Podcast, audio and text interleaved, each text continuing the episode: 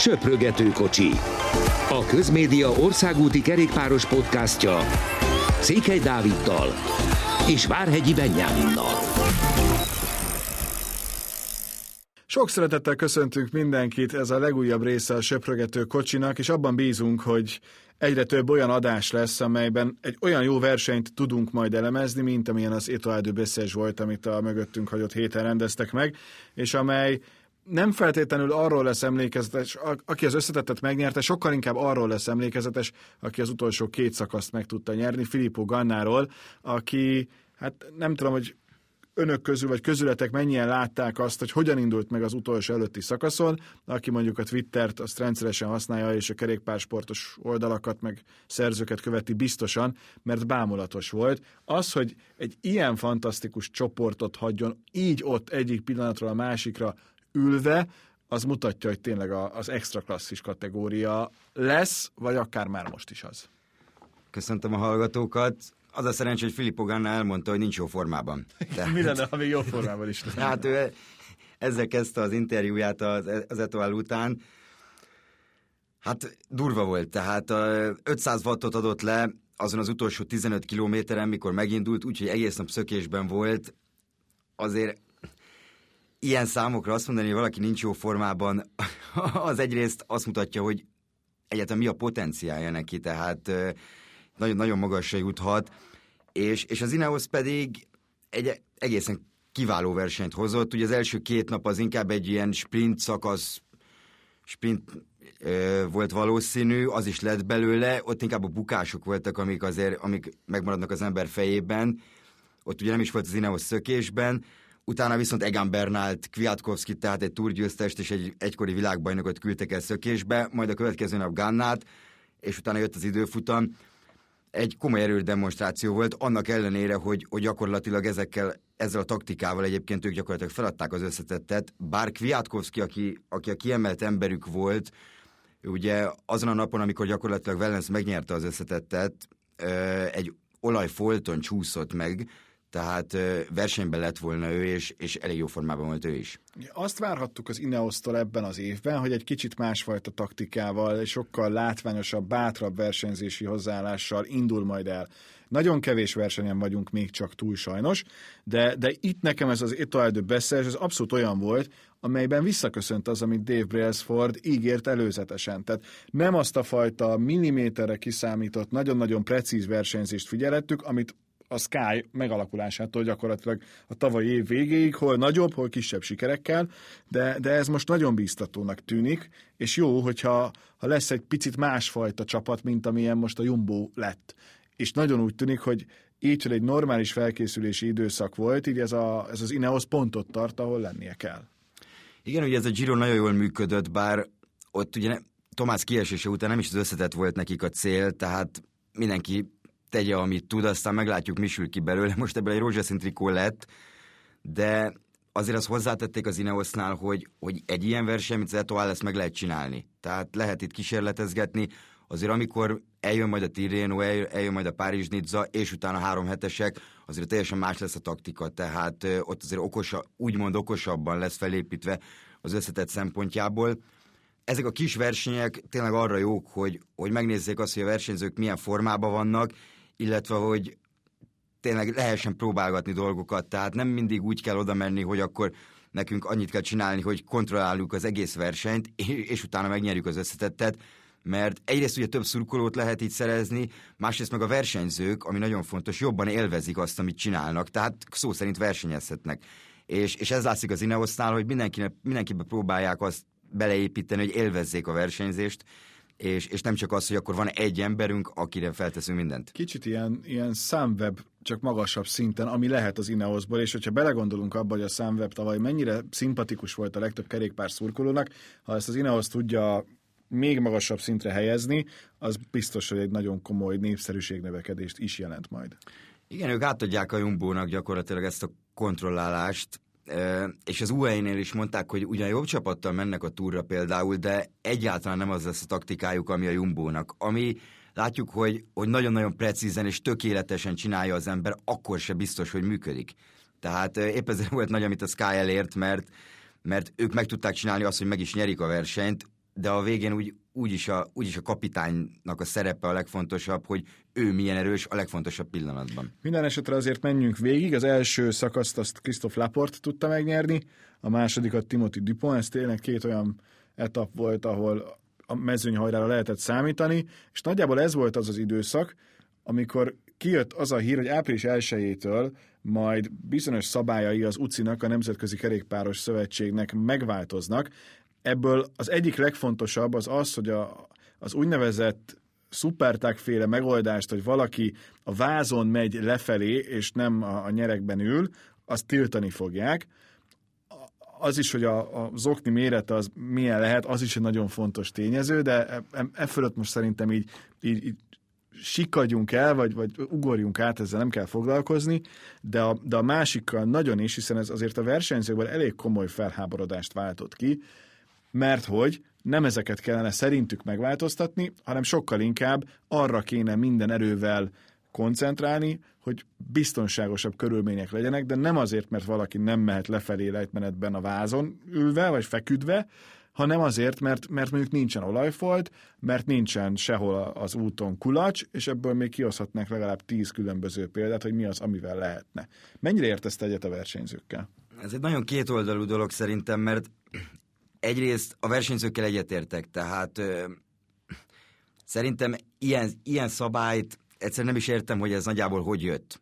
Tehát, hogy pont ezt tiltjuk meg, nem ebből vannak a balesetek, nyilván ezt a mezőnyön belül nem csinálja senki. Ezt akkor csinálják, mikor lefele mennek egyesével egyedül. És ez egyébként bizonyítottan hoz másodperceket, tehát Chris Froome ennek a nagymestere, és, és ugye hát brit tudósok megállapították, de szó, szó szerint ez, ez történt, hogy, hogy ő 15-16-ban, mikor ezt e, sokszor csinálta, Tour de, Tour de France-on, akkor, akkor mennyit nyert ezzel. Tehát itt szerintem nem ezzel van a probléma. Egyébként hozott az UCI más szabályokat is, ami a biztonsággal kapcsolatos, tehát milyenek lehetnek a kordonok az utolsó két kilométeren belül, de látjuk, hogy ebből nem sok minden működik, tehát amikor egy sprintbe futó szakasznál, mint az Etoálon 100 méterre vannak a fotósok a, be, a befutó után, hogy jönnek 50-nel, 60-nal, az egyáltalán nem biztonságos. Tehát ebből vannak a balesetek. És a versenyzők pedig egyértelműen nem értenek vele egyet. Fiatkovszki elmondta, hogy legközelebb majd a, azt fogják szabályozni, hogy akkor hogy lehet ünnepelni. Tehát nem rakhatod fel a két kezedet, nem, nem mehetsz így, nem mehetsz úgy. Profi sportolók, nyilván beszéltük egyébként, hogy, hogy milyen példát mutatnak. Nekem, nekem ezért pont ezt szerettem volna hozzá csatolni, hogy ami az egyetlen szerintem megmagyarázható és értelmezhető indok, az az, hogy persze ezek a profi kerékpárosok meg tudják oldani, lezárt utakon, olyan körülmények között, amilyen körülményeket mondjuk egy Tour de France-on, vagy egy svájci köröm, vagy mondhatnék még jó néhányat, ahol vannak komoly hegyek, és a hegyekről lefelé rejtmenetek, biztosítani tudnak. De a cél az az, hogy XY, amikor ugyanezt megpróbálja nem lezárt úton, forgalomban, mert hogy látta, hogy így csinálja Christopher Froome, az már nem biztos, hogy jó üzenettel bír, és ebből a szempontból én értem azt, hogyha mindenkinek betiltják, tehát senki nem csinálhatja, hozzáteszem ezt is hogyan tudod ellenőrizni, mert, mert nincs annyi kamerás motorot, meg helikopteres képet sem, hogy akkor ez biztos, hogy mindenkinél lásd, de ha mindenkire vannak ezek a szabályok, én ezt túl tudom élni, tehát e, bennem ez akkora felháborodást, hogy őszinte legyek, nem eredményez, mert, mert meg tudom érteni, csak megint azt érzem, hogy itt a, a felszínt azt kicsit úgy, úgy próbáljuk valahogyan itt porolgatni, de, de igazán mélyre nem ásunk ebben a történetben, mert, mert ahhoz még egyértelműbb és szigorúbb szabályok kellene, hogy legyenek, és akkor nem látnánk olyat, hogy az ember, az egyik, az így mint egy bowlingolyó a másik versenyző társát kasszálja le, mert nem olyanok a, az utolsó kilométerek, az utolsó méterek, amilyeneknek lenniük kellene egy mezőnyhajrás befutónál. Igen, itt is láthattuk ezen a versenyen is, hogy, hogy tehát kamionok vannak az úton, olyan helyen parkolnak az autók, tehát ezt, ezeket, ezekre kéne szerintem jobban figyelni. Viszont azt azért hozzátenném, hogy, hogy novemberben voltak ezek az első kezdeményezések az utci részéről, hogy akkor biztonság. És ezt megbeszélték a csapatokkal, a versenyzőkkel, és a versenyzők nem foglalkoztak ezzel a dologgal. Tehát eh, ahogy lehet olvasni Matteo Trentin és Philip Gilbert nyilatkozatait azokból a, abból az időszakból, gyakorlatilag ők ketten voltak, akik, akik egyáltalán kiálltak a, a saját versenyzői jogaikért, Tehát most, hogyha panaszkodik az ember, ezt meg lehetett volna tenni négy hónappal ezelőtt is. Tehát nem amikor megjön a szabály, szerintem nem akkor kellene, hanem inkább akkor, amikor egyáltalán a felvetés megszületik, és akkor leülni, tárgyalni, foglalkozni vele. Teljesen tiszta sor. És akkor utána jött az utolsó, uh, bocsánat, jött a középső szakasz, és Tim Wellens sikere, akire lehet mondani, hogy, hogy számítani lehetett arra, hogy jól szerepel, de, de az, hogy ekkora előnyt tudott kidolgozni, az nekem mindenképpen meglepetés volt. Igen, az egy nagyon okos taktika volt a, volt a lottótól. Ugye egy nagyon erős szökevény csoport volt, tehát ugye olvashattuk, hogy Bernál, Urán, Nibal is próbálkoztak, Bernál többször is azon a napon, és ugye végül egy lejtmenetbe sikerült Valencnek ellépnie, ami azért ha ismeri az ember a kerékpárt, azért viszonylag meglepő, hogy ő 15 kilométeren szerez 40 másodpercet, úgyhogy egy nagyon erős csoport van mögötte. Igen ám, de itt jön ki ebbe a csapat, ott volt Stefano Oldani, a, a fiatal olasz versenyzője a Lottónak, illetve Philip Gilbert, akik tökéletesen blokkolták azt, hogy bárki fel tudja lépni. Tehát Oldani is volt még, hogy támadott, ami azt jelenti, hogy fel kell rá lépni, közben Wellens már jóval elő, előrébb van. Nagyon okosan megcsinálták, és látva ugye a szintrajzokat, meg a szakaszokat ezen a versenyen, azért lehetett tudni, hogy, hogy itt egy ilyen támadás elég lehet az összetetre. Velensz egyébként jól ment, ugye már a Marseille-ezen is, ott ugye szembeszél kicsit hátráltatta a támadását, de, de ő szezon elején mindig jó formában van, és megérdemelte, nyerte meg a versenyt, mert az időfutamon is, jól emlékszem, talán hatodik legjobb időt mente. Igen, az a kérdés utólag, hogy mondjuk Ganna mennyire csinálta okosan azt, amit csinált, mert látva az utolsó két napos teljesítményét simán benne lett volna az, hogy megnyeri az összetettet. Jó, nem a, a, az Etoile lesz a legfontosabb verseny ebben az évben, ezt pontosan tudjuk, de egy utólag mindenképpen az látszik, hiszen azért ő is egy nagyon komoly csoportból tudott az utolsó előtti szakaszon ellépni, és senki nem tudta tartani vele a, a lépést, és nagyon is bebizonyította azt, hogy, hogy vele úgy kell számolni, mint egy új Fábián Cancellárával szerintem, vagy lehet úgy számolni vele. Igen, van is egy érdekes statisztika erről. Cancellára győzelmei, karrieresen állott a győzelmei, azt hiszem talán valami 60% körül van, amit prologon vagy időfutamon nyert meg. Most ezt úgy kell elképzelni, hogy nagyjából 80 ilyen győz, 80 győzelme volt. Most Gannának ugye ez jóval kisebb, 12 versenyből 10 nyert meg időfutamon. Ugye gyakorlatilag ez az Etoile szakasz volt, meg a legutóbbi Giro szakasz, amit, amit meg tudott nyerni, úgyhogy rendes mezőnyverseny volt. Érdekes lesz, mert például látva ezt a Gannát, meg látva itt, hogy ő mit csinál az elmúlt egy évben, fél évben, azért egy Tirénón szerintem ő képes lehet arra, hogy például összetett, összetetre rámenjen. Uh-huh. Tehát ott van egy komoly időfutam, és ugye érdekes, érdekesség még, hogy Wood van Artot is a Jumbo elvileg kapitányként küldi a Tirénóra. De hát azért alakulnak át itt a szerepek. A Filippo Gánától azért hegyen még mindig nem vár el túl sokat az ember, mert tényleg egy magas fiú, 80 kilót, tehát nagyjából egy 5-10 kilót neki le kéne fogyni ahhoz, hogy, hogy összetettekre rá tudjon menni, és ez jelen pillanatban egyáltalán nem éri meg neki, mert élete formájában van. És akkor jött az utolsó szakasz, egy időfutam, amit aztán meg is tudott nyerni. Ezen az egy etapon, amióta ez a szakasz van, ez az elmúlt néhány év, az övé volt a legjobb átlag, amit produkált bárki, úgyhogy ez is mutatja, hogy ez nem csak a jelenlegi mezőnyben és a mostani felkészülés után számít jónak, hanem alapból nagyon-nagyon jónak számít, és tényleg az a kérdés, hogy innentől kezdve vele majd milyen szinten és milyen szerepekben fogunk találkozni idén. Egy erős tippem van, hogy azért a Tokiói olimpián ott az időfutamon, hogyha valaki őt megnyeri, megveri, bocsánat, az biztos, hogy megnyeri az olimpiát. Tehát, hogy, hogy őt kell ahhoz valakinek megvernie, hogy, hogy első legyen az időfutamon. Igen, valószínűleg az időfutamon fog csak indulni, meg, meg talán pályán is fog egyébként indulni, hiszen ott is ő tartja azt hiszem a világrekordot. Nagyon nehéz lesz Filippo Ganna ellen, ugye a Giro is úgy van kitalálva, hogy neki ugye az a torinói régió, egy hazai régió, első szakasz időfutam, tehát valószínű, hogy úgymond ráadatják a rózsaszín trikót, igen. Ugy, ugyanúgy, mint tavaly.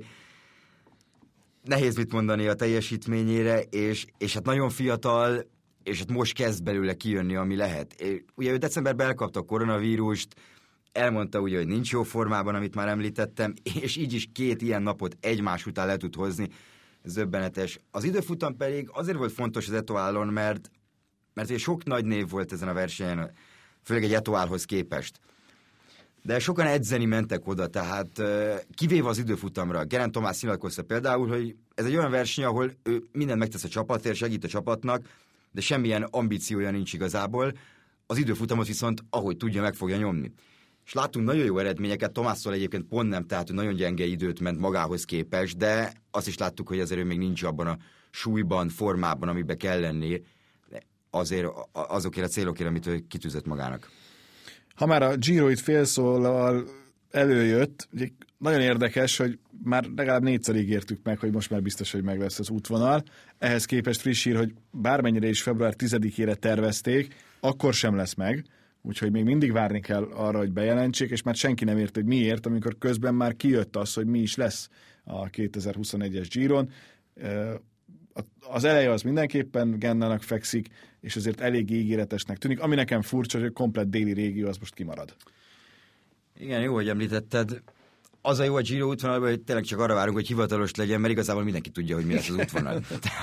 Tehát a déli régió most kimarad, az etnát ugye nyilván sajnálja az ember, de de nem nagyon tudsz lemenni egyébként délre, tehát tavaly nagyon sokat panaszkodtak a versenyzők, hogy nagyon hosszúak voltak a szakasz, szakaszok utáni transferek. Most ezt, ezt azért ki fog maradni az idén, és, és az látszik az útvonalból, vagy hát amit tippelnek, hogy lesz az útvonal, talán több is, mint tipp már, hogy, hogy látva a túrt, és látva az, hogy ott mi fog történni, ide megpróbálja a Giro elintézni azt, hogy a legnagyobb hegyi menők ide jöjjenek. Tehát ugye beszéltünk már Tibó Pinóról, Egan Bernárról, Walter Attiláról. Walter Attiláról, így van, Simon Yatesről, és még lehetne sorolni, hogy, hogy tényleg megpróbálják azt megoldani, hogy a legnagyobb hegyi, hegyi nevek, akik nem olyan jó időfutam menők, és a túrra nem nagyon lenne esélyük idén, eljöjjenek ide.